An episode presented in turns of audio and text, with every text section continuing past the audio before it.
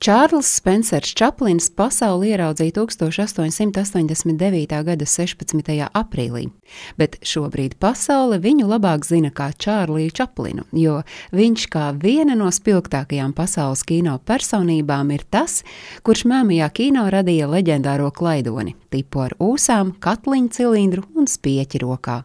Čārlis piedzimis esot astoņos vakarā Londonā. Viņa vecāki, Čārlis Spencers Čaplins vecākais un māte Hanna Čaplina, bijuši mūziklu aktieri. Māma uzstājusies dažādos teātros un vēl pirms kāzām ar Čaplinu pasaulē laidusi vecāko dēlu, kurš pēc laulībām ticis pie Čaplina uzvārda, lai arī viņa tēvs bijis pavisam cits vīrietis. Muzikālo aktieru dzīve neiztika bez problēmām. Viesizrādes uzdzīve atstāja savas sekas, un vīrs Hannu pameta tad, kad mazajam Čārlijam vēl nebija pat gadiņš. Palikusi viena ar diviem bērniem, Čaplina mamma Hanna nonāca neapskaužamā situācijā, un visu pasliktināja fakts, ka viņa bija zaudējusi balsi, tāpēc iztiku nu nācās nodrošināt strādājot gadījuma darbus. Visu vēl sliktāku padarīja fakts, ka mamma cieta no garīga rakstura saslimšanas. Rezultātā septiņu gadu vecumā Čārlijs kopā ar pusbrāli nonāca aprūpes namā, kas bija domāts bez iztikas palikušajiem. Tikmēr Čārlija tēvam, kuram bija patīkams baritons, izvērtās diezgan veiksmīga karjera. Viņš daudz uzstājās gan Londonā, gan citvietā Eiropā un arī Ņujorkā. Neraugoties uz to, ka Čārlija tēvs dzīvoja bēdu nepazīdams, sieva un dēls, kā arī padēls, grima arvien dziļākā bedrē un trūkumā. Pusbrālis Sidnejs vēlāk paudis, ka viņi dzīvojuši absolūtā trūkumā, pustukšā istabiņā un lielākoties badā. Ne viņam, ne Čārlijam ilgi nebija pat savu apavu. Māte novilkusi savas kurpes un iedavusi vienam no zēniem, kuram bija kārta doties uz nabagu patvērsmi pēc labdarības viruma, kas bijusi viņu galvenā iztika. Katrā ziņā trūkums iedragāja Hannas veselību. Sidnejs un Čārlijs sāka klaiņot, viņus aizturēja un atkal jau ievietoja bezpajumtnieku bērnu patvērsmē. Pirmo reizi uz skatuves Čārlis esot nokļuvis jau piecu gadu vecumā, kad viņš aizvietoja mammu, un tad izpelnījās milzu ovācijas no skatītājiem.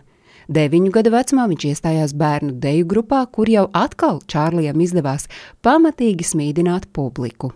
Taču drīz vien Čārlijs aizgāja no deju grupas, lai mācītos. Taču patiesībā skolā viņš parādījies reti un pārējā laikā strādājis dažādus gadījumu darbus, pārdevis avīzes uz ielām, līmējis rotaļlietas, strādājis tipogrāfijā, stikla pūšanas darbnīcā un pat ārsta pieņemšanā. Tomēr visu šo laiku viņa sirdī bija sapnis, kas visticamāk visiem likās neprātīgs un absolūti neiespējams 12 gadu vecumā Čārlis sagaidīja savu pirmo lomu, un tas bija iespējams tāpēc, ka viņš vienkārši iegāja kādā aktieru aģentūrā un pajautāja, vai nav loma mazam zēnam. Kad 14 gadu vecumā Čārlis tika pie puslīdz pastāvīga darba teātrī, viņš neprata pat lasīt. Lomu tekstus viņam palīdzējis mācīties pusbrālis Sidnejs. Laiks līdz 19 gadu vecumam pagāja mētājoties pa visu Angliju otrās šķiras teātru trupu sastāvos, bet tā bija lieliska aktieru meistarības skola, kas radīja izcilu komiķi. 1908. gada februārī Čārliju oficiāli pieņēma darbā Freda Karno teātrī.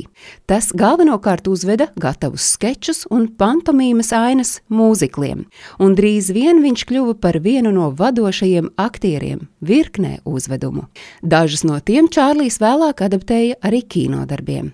Un veiksme bija tā, kas stāvēja klāt Čaplinam, kad viņš ar trupu viesojās Amerikā. Tur viņu pamanīja kinoproducents, kurš uzaicināja jauno aktieri savā studijā, un lai arī ļoti pakāpeniski tomēr filmas ar Čārlija piedalīšanos sāka nest peļņu, un tā Čārlijs Čaplins maz pamazām kļuva par vienu no kino industrijas spožākajām zvaigznēm. Stāstīja Agnese Drunka.